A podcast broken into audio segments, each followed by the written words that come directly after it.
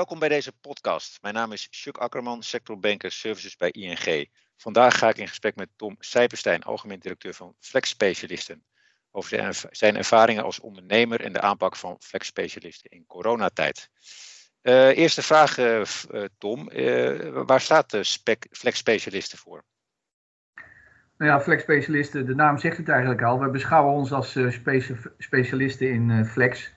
Dus wij proberen flexibele oplossingen te bedenken voor uh, onze opdrachtgevers.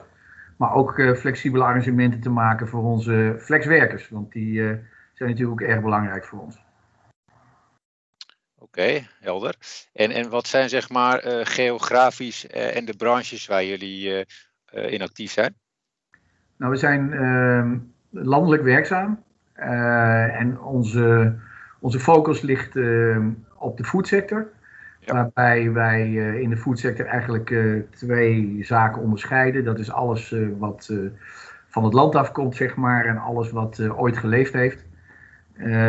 en op dat moment zijn onze mensen eigenlijk in die sectoren werkzaam.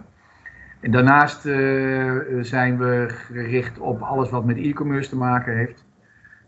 Het kan ook dan nog gerelateerd zijn aan food, maar dat is dan vaak de fysieke distributie voor, uh, voor winkelketens. Ja, oké. Duidelijk. Um, ja, en als je dan even, even teruggaat naar het begin van het jaar, hè, welke, welke plannen en doelstellingen hadden jullie toen? Ja, goed gebruik is altijd dat wij toch ergens vanaf augustus, september gaan, ons gaan oriënteren op het nieuwe jaar. Um, daarin verdelen we het jaar meestal in twee delen. tot 1 juli, na 1 juli. En uh, wij hadden een groeiscenario liggen op basis van uh, onze uh, commerciële activiteiten ongeveer 15 procent. Ehm, dat was een verwachting die we hadden ook in het kader van eh, de wet, wet arbeidsmarkt in balans. Waar wij dachten wij zeker een goed concept in te hebben. Ehm, dus 15% groei, dat was eigenlijk het idee. Een kwalitatieve groei. En um, ja, achten wij ook als uh, zeker als mogelijk voor een speler als ons uh, in de Nederlandse, op de Nederlandse markt. Mhm. Want even ter vergelijking, eh, wat was jullie groei vorig jaar? Ja, die was, on, was, ongeveer hetzelfde, dus 15 tot 20 procent. Oké, dus in principe, ja, dus het doel was om net zo hard te gaan groeien als, als ja, vorig jaar. Maar wel, ja. met wel ook wel met een consolidatie, omdat ik zeg de wet arbeidsmarkt in balans was, is ja. in die zijn intrede deed, heeft wel grote impact uh, op, onze, op onze sector. En ja. uh, dat vereiste wel dat bepaalde accenten eigenlijk wel uh, wat anders kwamen te liggen. Want wat, wat is, zeg maar, als je zo terugkijkt, de impact voor jullie geweest van de WAP? Um, voor ons was de WAP eigenlijk van begin af aan duidelijk. we zijn daar in de voorbereidingen januari, februari 2019. Uh, in het begin, eerste kwartaal van 2019, was er nog wel wat discussie over wat die WAP dan precies inhield. Maar je zag eigenlijk wel wat de regering beoogde. Simpel gezegd, mensen die langer werken, daar worden werkgevers voor beloond. En mensen die korter werken, en daar bedoel ik mee bijvoorbeeld op een flexibel contract, daar worden feitelijk werkgevers extra voor belast. Dus het is zaak om je businessmodel wat je hebt af te stemmen op de markt die je beoogt te behouden of te verkrijgen. En dat is eigenlijk wat we in het kader van de wet WAP wel gedaan hebben. wij zijn traditioneel een bedrijf wat ervoor gaat om mensen zo lang mogelijk aan ons te binden. En in dat kader, en of in dat licht, was de WAP voor ons wel een uitkomst. Omdat wij vinden dat mensen in ieder geval bij ons zekerheid moeten kunnen krijgen. we hebben bijvoorbeeld maar 15% van ons personeel uh, met uitzendbeding aan het werk. Als ik praat over de uitzendkrachten. En de rest zijn mensen die een bepaalde tijd of een onbepaalde tijd contract hebben. Dus de WAP past ons eigenlijk wel als een handschoen. Oké, okay. en uh, nou ja, toen, toen uh, kwam, uh, we hadden natuurlijk de WAP in januari en toen kwam kort daarna corona om de hoek kijken. Ja. wanneer en, en, en hoe kwamen jullie daar voor het eerst mee in aanraking? Er was even schrikken natuurlijk. Eh, ja, voor het eerst in aanraking was natuurlijk al in november, december al, ging het al rond dat er ergens in China iets speelde. Uh, nou ja, dat, dat werd een beetje afgedaan uh, als zijnde dat is een nieuwe SARS-vorm of, of iets anders. En dat corona eigenlijk dat het er was. Ja, begon, wij zitten met ons hoofdkantoor in Brabant, was hier redelijk in de buurt. Ehm, ehm, dat daar de eerste coronabesmetting werd vastgesteld. Nou, dat was iets na carnaval, geloof ik. Ehm, dus dat zal ergens februari zijn geweest. En op dat moment ja, dan denk je van wat gaat er eigenlijk gebeuren en wat, wat, wat is het gevolg daarvan? Dat was natuurlijk langere tijd onduidelijk, totdat uh, de ziekenhuizen hier in de regio gewoon vol lagen met mensen die uh, ziek uh, werden. En toen was het natuurlijk wel duidelijk dat het een hele serieuze aangelegenheid was. En ja, kwamen we natuurlijk al gauw in de eerste lockdown terecht. Die voor ons eigenlijk niet als een verrassing kwam, omdat, zoals ik al zei, de besmettingsniveaus in Brabant of in het zuiden van het land waren natuurlijk vele malen hoger als die in het westen of in het noorden. Voor ons was het uh, ja, een soort stilstand uh, die, uh, die zijn intrede deed. En, en, ehm, en, en hoe zeg maar, raakte dat jullie bedrijf en, en welke acties hebben jullie ondernomen? Ja, um, ja je, je, komt dan in een scenario terecht waarin je je gaat afvragen van waarvoor zijn we hier en wat moeten we gaan doen. Je probeert vergelijkingen te maken met bijvoorbeeld een economische crisis. Nou, we bestaan als bedrijf lang genoeg om er al een aantal te hebben meegemaakt. Maar dit is toch een andere crisis. En eentje die, uh, uh, zeg ik ook, uit twee delen uiteenvalt eigenlijk, zoals ik het zie. Het is een ad hoc situatie die ontstaat. En de overheid die komt met regels die je van tevoren niet kunt inschatten. En dat maakt er, dat er eigenlijk een soort dubbele onzekerheid ontstaat. Ik kan me herinneren dat ik, uh, omdat ik bestuurslid ben van de ABU, erg betrokken was bij uh, het onderzoek te doen in, binnen de sector om uh, de overheid te adviseren wat een subsidieregeling voor onze sector eigenlijk voor impact heeft en wat het zou moeten zijn. En na vier weken kwam ik eigenlijk tot de conclusie dat ja, de overheid daar voor onze sector op dat moment in ieder geval geen aandacht voor had. Om enig specialistisch arrangement te maken. En dat ze veel meer op de generalistische lijn zaten. En uiteindelijk zeiden van ja, uh, jullie uitzendsector zijn niet meer en minder dan alle andere sectoren. Dus we scheren iedereen over één kam. Dat was voor ons de aanleiding om uh, ons daar ook niet meer te door te laten leiden. Uh, het was heel simpel. We hadden ons voorbereid op de WAP. En zoals ik net al zei, dat impliceerde eigenlijk dat we eerder meer mensen voor onbepaalde tijd in dienst hadden dan minder per 1 januari. Uh, in combinatie met corona was dat eigenlijk de meest foute situatie die ik kon voorstellen. Want eh, het werk viel natuurlijk weg. Daarbij moet ik zeggen dat we in de foodsector gelukkig aan de goede kant van de streep uh, zitten. we hebben relatief veel werk gehouden. Ook al omdat wij uh, direct of indirect voor grotere supermarktketens werken. Die een verhoogde afname zagen in hun winkels. Dus dat gaf voor ons een positieve impuls. De negatieve impuls voor ons zat hem wat wij noemen de specialties, mensen die echt in de horeca, groothandel, uh, vleesverwerking werken, waar wij uh, specialist in zijn. Uh, waar het werk volkomen wegviel en waar gewoon binnen twee weken honderden mensen thuis zaten. En ja, daar moest op geacteerd worden. Zo simpel was het. Ja, en, en hoe, hoe hebben jullie erop geacteerd, zeg maar, richting personeel, je eigen personeel en, en de uitzendkrachten? Ja, uh, toen voor ons eigenlijk na die vier weken onderzoek min of meer wel duidelijk was dat we het zelf moesten redden. Uh, en dat je van de overheid op dat moment in ieder geval niet een oplossing kon verwachten. Dus zijn we gewoon bij elkaar gaan zitten. Hebben gezegd van nou, waar zitten onze knelpunten? Uh, waar zitten onze grootste financiële risico's? Uh, daar moeten we ons eerst om bekommeren. dat gaat dan om de mensen die we aan het werk moeten zetten. Dus daar hebben we onze eigen organisatie voor opgeleid. We hebben een zeven stappenplan uh, geschreven. Uh, wat we gaan doen in welke situatie. Dus als het aantal uren verder zou afnemen wat we konden verkopen, wat dat voor consequenties voor de organisatie zou hebben. En we hebben eigenlijk uh, een aantal mensen aangewezen die voor andere functies in aanmerking zouden moeten komen. Die waren erop gericht om de dienstverlening die we hadden te, zo goed mogelijk in te richten en, en bij te houden. En de dienstverlening die we moesten optuigen was natuurlijk het zoeken naar nieuw werk voor alle mensen die thuis zaten.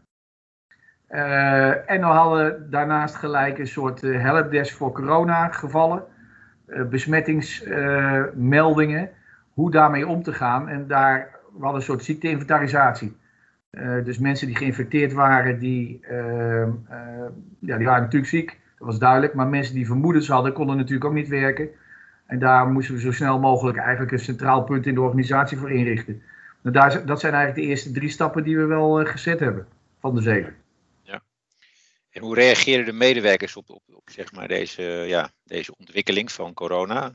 Ja, nou, ik heb van begin af aan gezegd dat uh, we leven in een oorlogssituatie. En daar werd in het begin een beetje raar naar gekeken.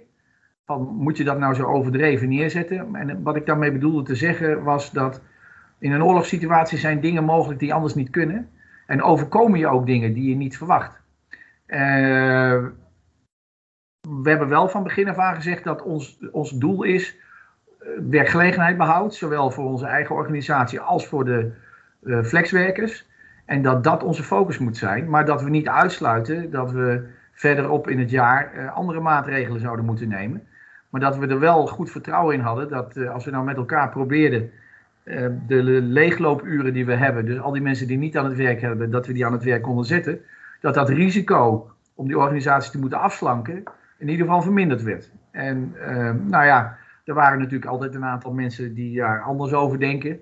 En die vonden het wat overtrokken en overdreven, want zo, de soep werd toch niet zo heet gegeten als dat die werd opgediend. Maar daar waren wij toch wel snel van overtuigd dat eh, de soep heel erg heet gegeten werd. En dat we echt, dat het een kwestie van weken was dat je moest schakelen. En niet, laten we het nog maar eens even een maand aankijken. Die tijd was er gewoon simpelweg niet meer. En hoe zorg je dat de mensen gemotiveerd blijven onder deze omstandigheden?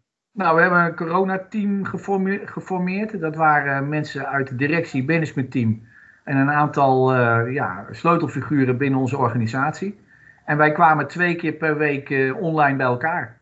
En uh, daarin hadden wij een, een, beknopte agenda met een aantal actiepunten. Waarin we eigenlijk getracht hebben de lijnen zo kort mogelijk te houden. En ook de, de acties die we inzetten zo snel mogelijk te evalueren. Past het niet, kwam het niet uit, dan was het twee dagen later passen we het aan. En vervolgens hadden we een, een communicatieschema met deze groep, met de rest van de organisatie, om ook zo snel mogelijk mensen op de juiste manier te informeren en ook de achtergrond daarbij te vertellen, zodat we zo snel mogelijk ook draagvlak kregen en niet mensen, want dat is een beetje mensen eigen natuurlijk ook wel eens om eerst eens even te kijken hoe het allemaal loopt of de kat uit de boom te kijken. Dus te overtuigen van het feit dat snel schakelen gewenst was. Ja. Oké, duidelijk. En, uh, en de klanten, hoe, hoe hebben jullie die uh, in, in zeg maar de coronaperiode bediend? Ja, we zitten er nog steeds in, maar hoe ja, hebben nou, daar iets veranderd dan zeg maar voor corona? Hoe je... Ja, kijk, uh, laat ik het zo zeggen. Je hebt verschillende soorten opdrachtgevers natuurlijk. Uh, de opdrachtgevers op, wisten natuurlijk ook niet zo goed waar het naartoe zou gaan. Uh, sommigen werden, of ze werden allemaal overvallen door corona, maar sommigen hadden helemaal geen business meer. We lagen gewoon stil. daar had je meer een scenario waarin je met elkaar toch naar een situatie toe moest werken dat je uit elkaar ging. Ik bedoel, ik kan niemand wel een rekening blijven sturen voor personeel wat daar aan het werk is.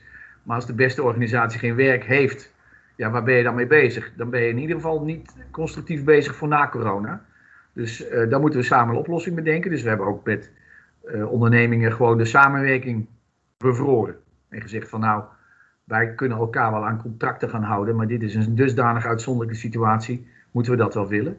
En andere partijen die het veel drukker kregen, onverwacht, uh, ja, die gingen aan ons natuurlijk dingen vragen die we voorheen niet verwacht hadden, maar waar we wel aan tegemoet wilden komen. En die hadden een dusdanige vraag naar uh, mensen, dat we geprobeerd hebben om mensen uit andere sectoren naar die sectoren te brengen.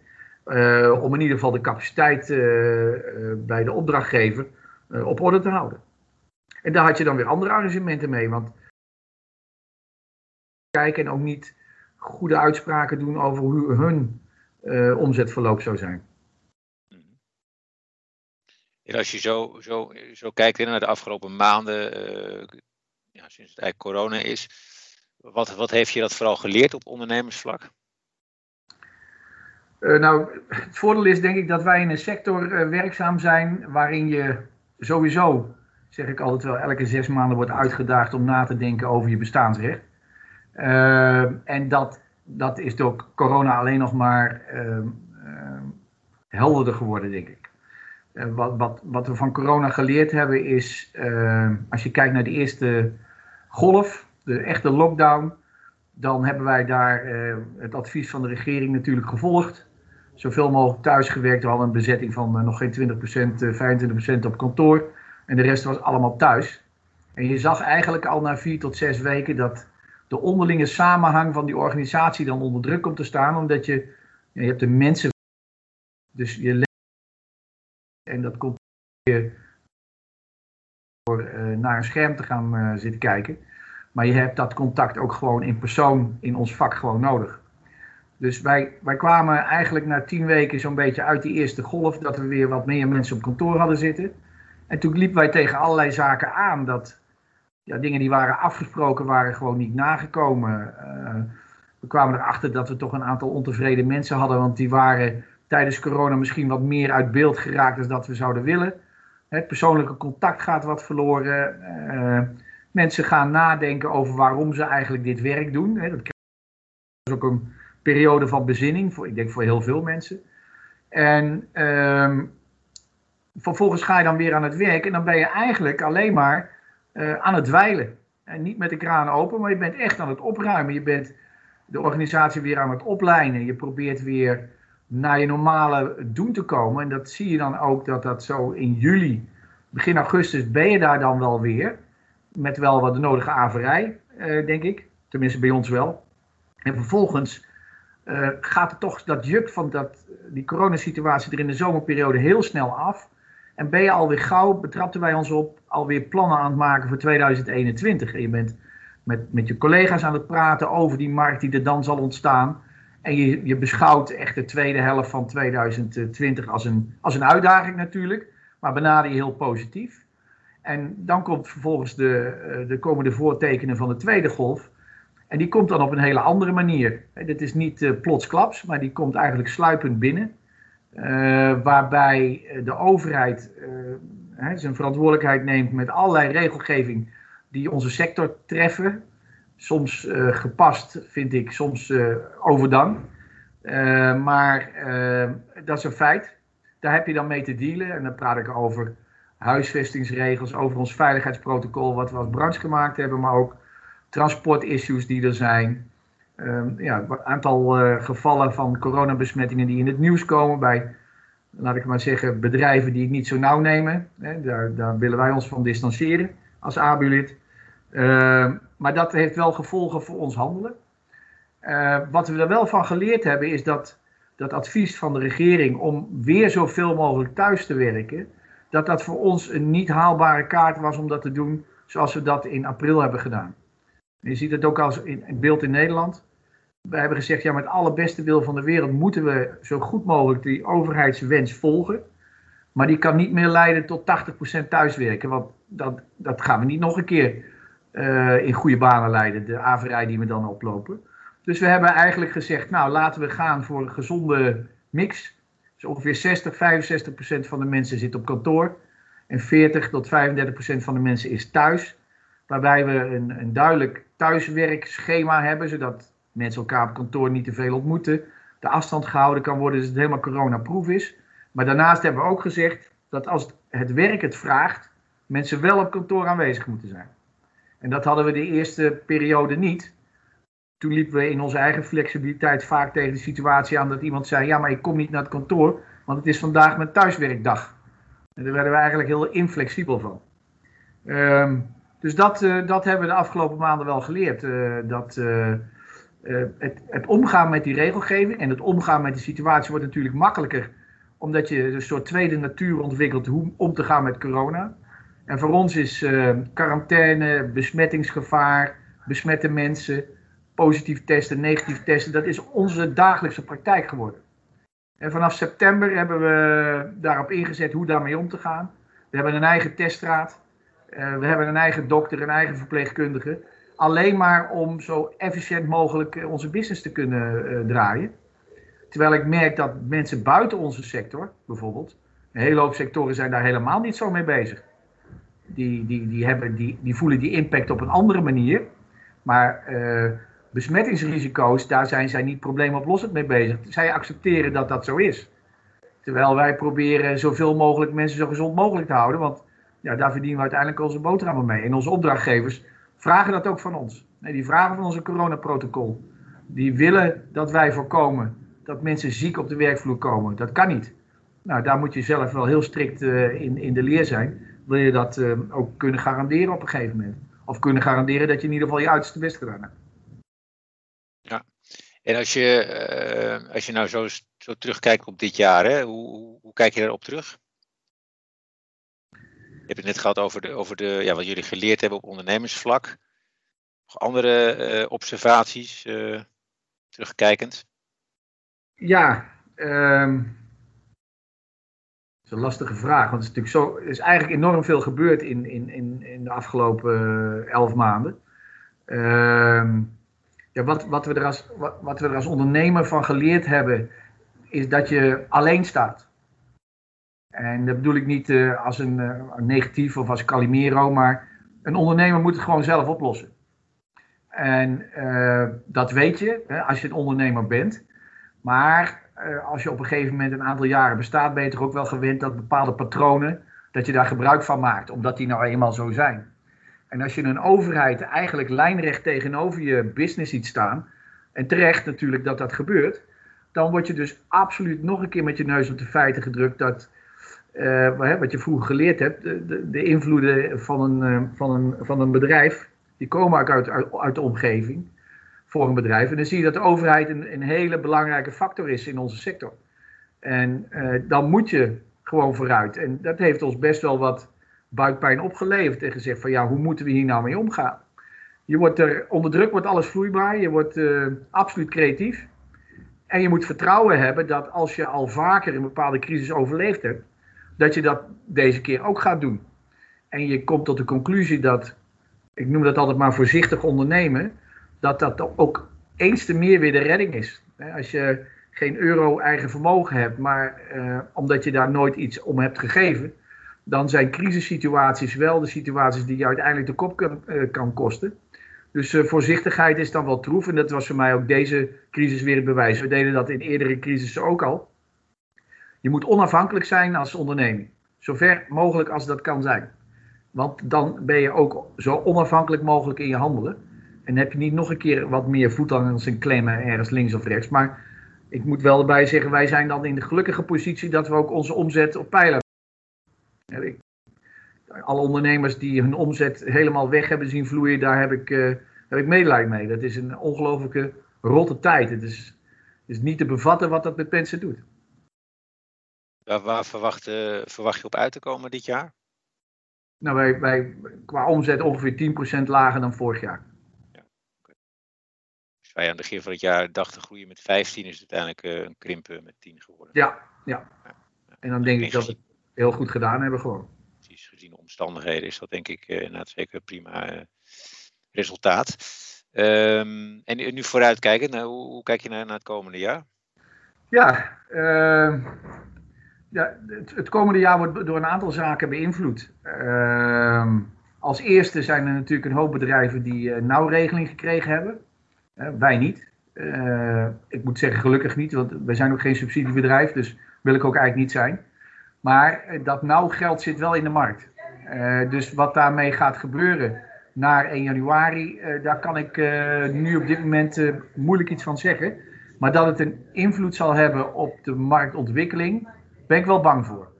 Dus toch wel veel, veel geld de markt ingegaan in onze sector. Op dit moment uh, is het al aanzienlijk minder, maar er zijn toch wel tientallen miljoenen euro's uh, uitgekeerd. Dat is één. De andere is, wat, wat gaan op een gegeven moment bedrijven doen die ehm, naar 2021 kijkende een relatie willen voortzetten of niet? het is een vraag ehm, die wij nog niet kunnen beantwoorden. Ik denk zelf dat het feit dat corona over het jaar heen gaat, een situatie schept dat ondernemingen voorzichtig zullen zijn met het afscheid nemen van bestaande structuren. Uh, waardoor ze de, zich pas daar opnieuw zullen bezinnen lopende 2021. Uh, er zal ontegenzeggelijk een groter aanbod van personeel zijn in het nieuwe jaar. Alleen vraag me echt af of, of ehm, de overheid denkt dan van, die kunnen al die mensen wel naar een andere sector brengen. Nou, daar is ons vak natuurlijk, ons, onze business bij uitstek natuurlijk ook wel voor geschikt. Maar je loopt in de praktijk toch wel tegen een hele hoop andere hindernissen aan. Dus die transitie van groepen mensen van de een naar de andere branche in de arbeidsmarkt, daarvan zie ik uh, nog niet zoveel gebeuren op dit moment. ik denk dat dat ook lastig is, dus dat betekent dat je toch wel een, oplopende werkeloosheid zal zien. dat zal ook prijzen onder druk zetten in de sector, omdat bedrijven zullen zeggen, ja, er zijn meer mensen beschikbaar, maar ja, je moet dan ook maar de juiste beschikbare mensen zien te vinden.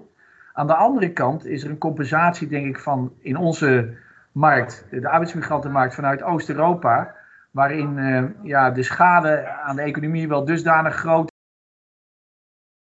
is, ze zich uiteindelijk uh, waarschijnlijk niet meer op hun eigen land zullen focussen de komende twaalf maanden. En zullen zeggen, nou, het is zo bar en boos, laat ik maar een job in het buitenland zoeken. Want daar heb ik in ieder geval een werkmogelijkheid en een verdienmogelijkheid die ik hier voorlopig niet zie. Als ik kijk wat er in Oost-Europa gebeurt, is er echt een kaalslag op alles wat maar enigszins met service te maken heeft, in welke vorm dan ook. Uh, er is een lagere productie.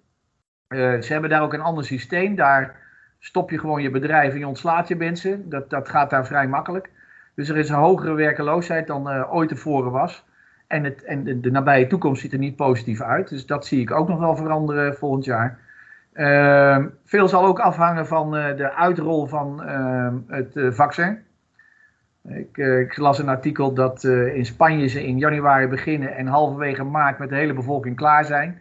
Als ik dan, ik weet niet of het waar is, hè, of dat gaat lukken, maar als je kijkt naar de discussie die wij in Nederland hebben, ja, die is toch vaak een discussie over de nieten en over de problemen en is zelden een discussie over de oplossingen en de mogelijkheden. Dat stoort mij ook enorm trouwens in het, in het regeringsbeleid. Het gaat altijd wat allemaal niet kan, maar laten we nou eens een keer focussen wat we wel zouden kunnen doen met elkaar. Uh, maar uiteindelijk is het vaccin natuurlijk het redmiddel. En um, als het zo is zoals het gaat, dan denk ik dat we in het tweede kwartaal van volgend jaar echt weer in een andere tijd uh, leven. Waar uh, ik van overtuigd ben, is dat mensen dan ook weer heel snel naar no normal life gaan. Ik geloof niet in dat dit nou iets heeft gebracht dat grote groepen mensen structureel anders over hun dagelijkse bestaan gaan denken ik denk wel dat bepaalde organisaties gezien hebben dat op afstand werken echt wel mogelijkheden biedt. Uh, dat kan dan uh, gedeeltelijk zijn of parttime zijn of misschien sommige organisaties wel voor altijd, dat weet ik niet. Maar mensen hebben toch de behoefte aan contact met elkaar. En niet alleen via een scherm, maar ook in een bepaalde groep wil men werken. Dus ik denk dat wel bepaalde sectoren ervan profiteren dat online werken en online handelen echt mogelijk is. En daar gaat echt wel wat in veranderen. Maar hele grote groepen mensen gaan gewoon weer terug naar uh, waar ze vandaan komen. En dat zal dan de uh, tweede helft uh, of tweede kwartaal volgend jaar zeker wel weer zichtbaar worden. En als je kijkt naar jullie eigen onderneming en, en de toekomst, hè, hoe, hoe probeer je jullie eigen onderneming zeg maar klaar te maken voor de toekomst? Nou, een van de dingen waar wij al tien jaar mee bezig zijn, is dat wij alles wat zich in onze back-office afspeelt, dat we dat moeten optimaliseren. Uh, zoals je weet, uh, in onze business zijn de marges dun. Uh, dat betekent dat je ongelooflijk goed op je, op je kostenstructuur moet letten. En een, van, een daarvan is eigenlijk de bewerkelijkheid van de hele back-office. En daar zijn we tien jaar geleden mee gestart. We zijn inmiddels nu in de situatie waarin wij eigenlijk alles elektronisch verwerken. we ook op een hele geavanceerde manier elektronisch kunnen communiceren met elkaar. En we hadden toevallig twee jaar geleden besloten dat we naar een nieuwe hardwareomgeving gingen. Met nieuwe verbindingen die ook klaar was voor corona. En daar profiteerden we van. Het was voor onze ICT-afdeling heel simpel om uh, aan te geven.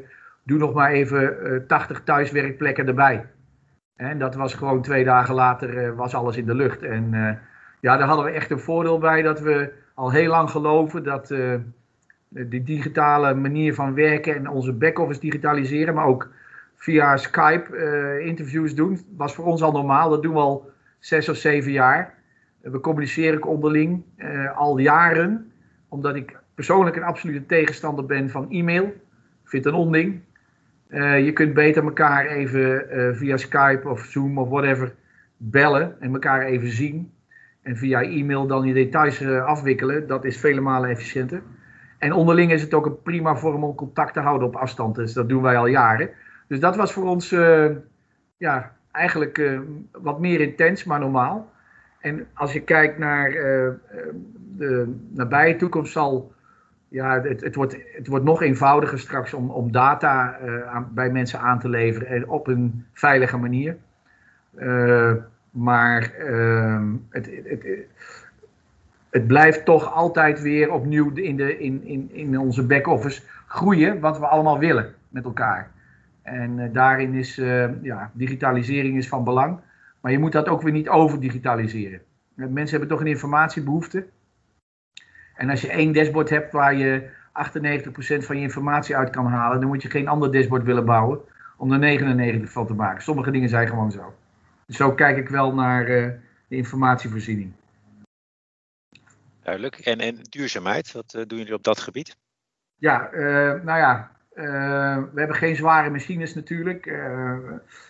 wat we wel hebben is, we hebben gebouwen waar we in zitten. Nou, daarin hebben we besloten ook om twee jaar geleden al om op, zoveel mogelijk op zonne-energie over te gaan. Dus op ons hoofdkantoor er liggen er een paar honderd. we proberen van de bijkomstigheden was in de back-office verder digitaliseren, was alle papier uitbannen. Nou, dat gaat niet.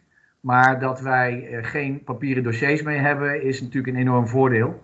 mensen blijven natuurlijk altijd printen, maar je ziet wel sinds dat wij alles digitaliseren, papiergebruik, printergebruik, cartridgegebruik en alle afval wat daarbij hoort, ja, dat is met 80% afgenomen. Dat is uh, super efficiënt. We hebben geen archiefruimtes meer nodig. Alles staat ergens gestoord. Terwijl we vroeger meters rekken vol met papier hadden, hebben we niet meer. Dus dat doen we eraan. we hebben nieuwe vervoersplanningssoftware aangeschaft uh, drie jaar geleden, waarin wij proberen zo efficiënt mogelijk te plannen. Om in ieder geval uh, ook de kosten voor brandstof zo ver mogelijk terug te dringen. De prijs per kilometer in ieder geval te laten zakken. Doordat we minder vervoersbeweging hebben en, en, minder stilstand. Want dat is uiteindelijk de, de invloed. We komen groene stroom in voor al onze locaties. Ehm, ja, daar, daar komt ook in de markt steeds meer mogelijkheid toe. Je kunt gewoon een tender uitschrijven voor hoeveel energie je nodig hebt. En of dat dan elektriciteit is of dat is uh, iets anders. Zij kunnen dat voor je, voor je verzorgen. Dus dat is eigenlijk wat we aan, aan, aan duurzaamheid doen. En daarnaast is uh, duurzaam voor ons ook nog wel dat we heel duurzaam met onze mensen om moeten gaan. Dus uh, alles wat op arbotechnisch gebied aanwezig moet zijn, daar, daar nemen wij notie van. En daar voeren wij ook in in ons beleid omdat wij denken dat uh, je mensen zo duurzaam mogelijk inzetbaar moet behouden. En dat kan alleen maar door goed contact met ze te hebben. En daar kan ik ja, nog wel een paar uur over uitweiden, maar het gaat wat te ver. Maar uh, moeten tevreden medewerkers zijn.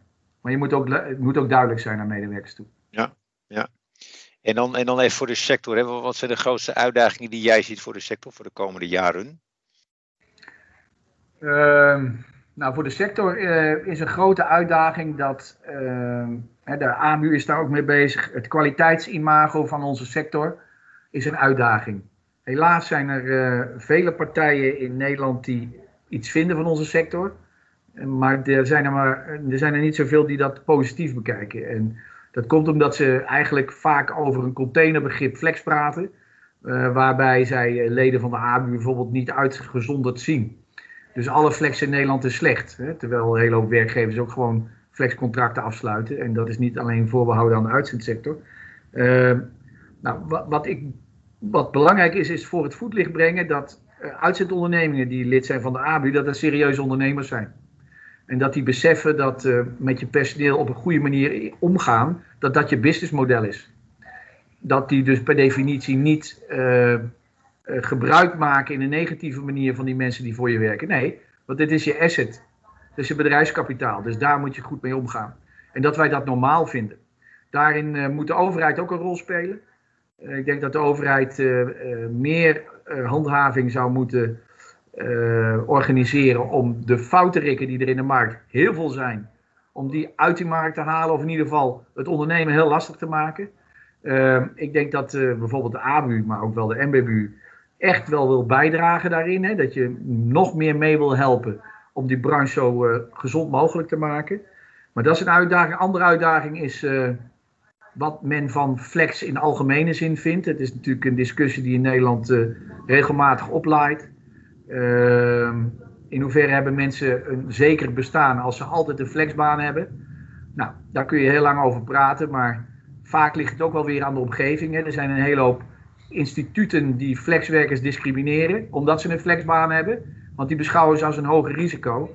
En ik pleit er ook altijd voor dat mensen uh, die een flexbaan hebben, bij die instituties een lager risicoprofiel moeten hebben als dat ze nu hebben. En daar bedoel ik mee, je kunt bijna geen leaseauto krijgen als je een flexcontract hebt. Maar waarom niet? Als je je betalingsverplichting na kunt komen, zie ik het probleem niet. Ik wil, ik wil niet zeggen dat in Amerika uh, dat ze het daar allemaal zo goed voor elkaar hebben, maar daar kijkt men er ook heel anders naar. Uh, dus het is denk ik een mix van uh, flexibiliteit aan de arbeidscontractenkant versus de zekerheden die andere instituten aan medewerkers die zo'n contract hebben willen geven. Daarnaast is het zo dat de politiek ook iets vindt van onze sector. we hebben nu het aanjaagteam van meneer Roemer gehad, die op zich, wat hij opschrijft, voor ons als AB-leden niet veel nieuws is. Sterker nog, we worden eigenlijk gesteund in wat wij al jarenlang vinden wat hij opschrijft. Dus dat was voor ons een, een ja, echt een positief rapport. Alleen, wat gaat er nu mee gebeuren? En uh, dat, daar ligt ook een stuk bij de overheid. Niet alleen uh, de landelijke, maar ook de provinciale en de gemeentelijke overheden. Die moeten accepteren dat arbeidsmigranten bijvoorbeeld, maar ook uit onze economie. En als het om arbeidsmigranten gaat in deze, is het zo dat uh, mensen uit het buitenland komen hier naartoe om te werken.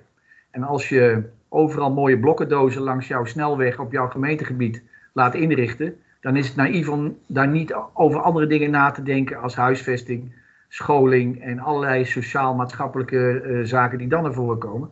Dat is wel een uitdaging voor onze sector om daar de overheid van uh, te overtuigen dat die dingen bij elkaar horen. Uh, en op nog wat langere termijn zal het een uitdaging zijn om zoveel mogelijk mensen aan het werk te houden. Die uit andere sectoren komen, ze om te scholen, ze bij te scholen. Maar er zullen natuurlijk steeds meer mensen vanuit het buitenland komen dat is wel de lange termijn. Dat, daar ben ik van overtuigd. We hebben zelf gewoon simpelweg minder mensen beschikbaar. Ja, ja. En hebben we, hebben het nu over de uitdagingen. Eh, en als je dan naar de toekomst kijkt voor de flexmarkt? Als laatste vraag. De toekomst. Uh, kijk, sommige mensen zeggen wel eens, uh, ook in de politiek, je moet die flex moet je maar afschaffen. En uh, als ik dan, dan zeg ik wel eens heel simpel, ga je in de winter kamperen? En dan zegt iemand van uh, nee, hoezo? Ja, of ze hebben een wintercamping dan, hè, maar dat zijn dan de uitzonderingen. Maar het gros gaat, niet, gaat in de zomer kamperen. En wat ik daarmee bedoel te zeggen uh, altijd is dat uh, je hebt nou eenmaal invloeden per jaar. Je hebt een seizoensinvloed, dat is er al één. Maar je hebt ook een afzetinvloed, dat is twee. Je hebt bedrijven die produceren in bepaalde periodes van het jaar. Nou eenmaal meer dan in een ander jaar. En het is niet realistisch om op de piek van je productie je totale personeelsbezetting af te stemmen. En uh, daar moet je dus altijd in flexibel kunnen zijn. Uh, het is natuurlijk wel goed om te kijken in hoeverre je productie zou kunnen plannen of kunnen uitsmeren, indien dat mogelijk is. Maar flexibiliteit in werk blijft altijd. Dat is iets wat je niet, dat kun je ook niet negeren, dat is er gewoon. Uh, waar ik wel, wat ik wel zie is dat als je kijkt naar de hoeveelheid zelfstandigen die we in Nederland hebben, die zijn eigenlijk wel ontstaan door uh, slechte regelgeving. En uh, als je kijkt naar die toekomst, dan, dan zie je nu wat corona dan gedaan heeft. Uh, de ZZP-organisaties zelf hebben altijd geweigerd, tenminste de grotere, om allerlei sociale arrangementen verplicht opgelegd te krijgen. En op het moment dat het corona is, dan vinden ze eigenlijk 4000 euro per ZZP'er maar niks. Maar ze vergeten dat ze toch eigenlijk wel geluk hebben dat die regering naar ze gekeken heeft, omdat ze toch wel een probleem hebben. En eh, omdat ze feitelijk ook weinig hebben bijgedragen daaraan, aan, dat, aan die sociale potten. En dat is denk ik wel uh, voor de toekomst iets wat uh, opgelost moet worden. werkzekerheid is één. Maar de sociale zekerheid voor op het moment dat je ziek bent, uh, arbeidsongeschikt bent of met pensioen gaat, dat is wel iets anders. En dat, dat is in onze, in onze toekomst moet dat in ieder geval iets worden waardoor iedereen eigenlijk toch wel ergens een reservering doet. In welke vorm dan ook. Want gebeurt dat niet, dan krijgen we echt pas een tweedeling uh, in de toekomst. Mensen die niks hebben en mensen die wel iets hebben afgedragen. En dan praat ik nog niet over degenen die dan heel veel hebben gespaard. Maar daar zit straks wel een hele onderlaag van mensen in die helemaal geen zekerheden meer hebben. En dat is wel een toekomst die, uh, die men moet onderkennen. Oké, Tom, heel erg uh, dank voor het gesprek. Graag gedaan.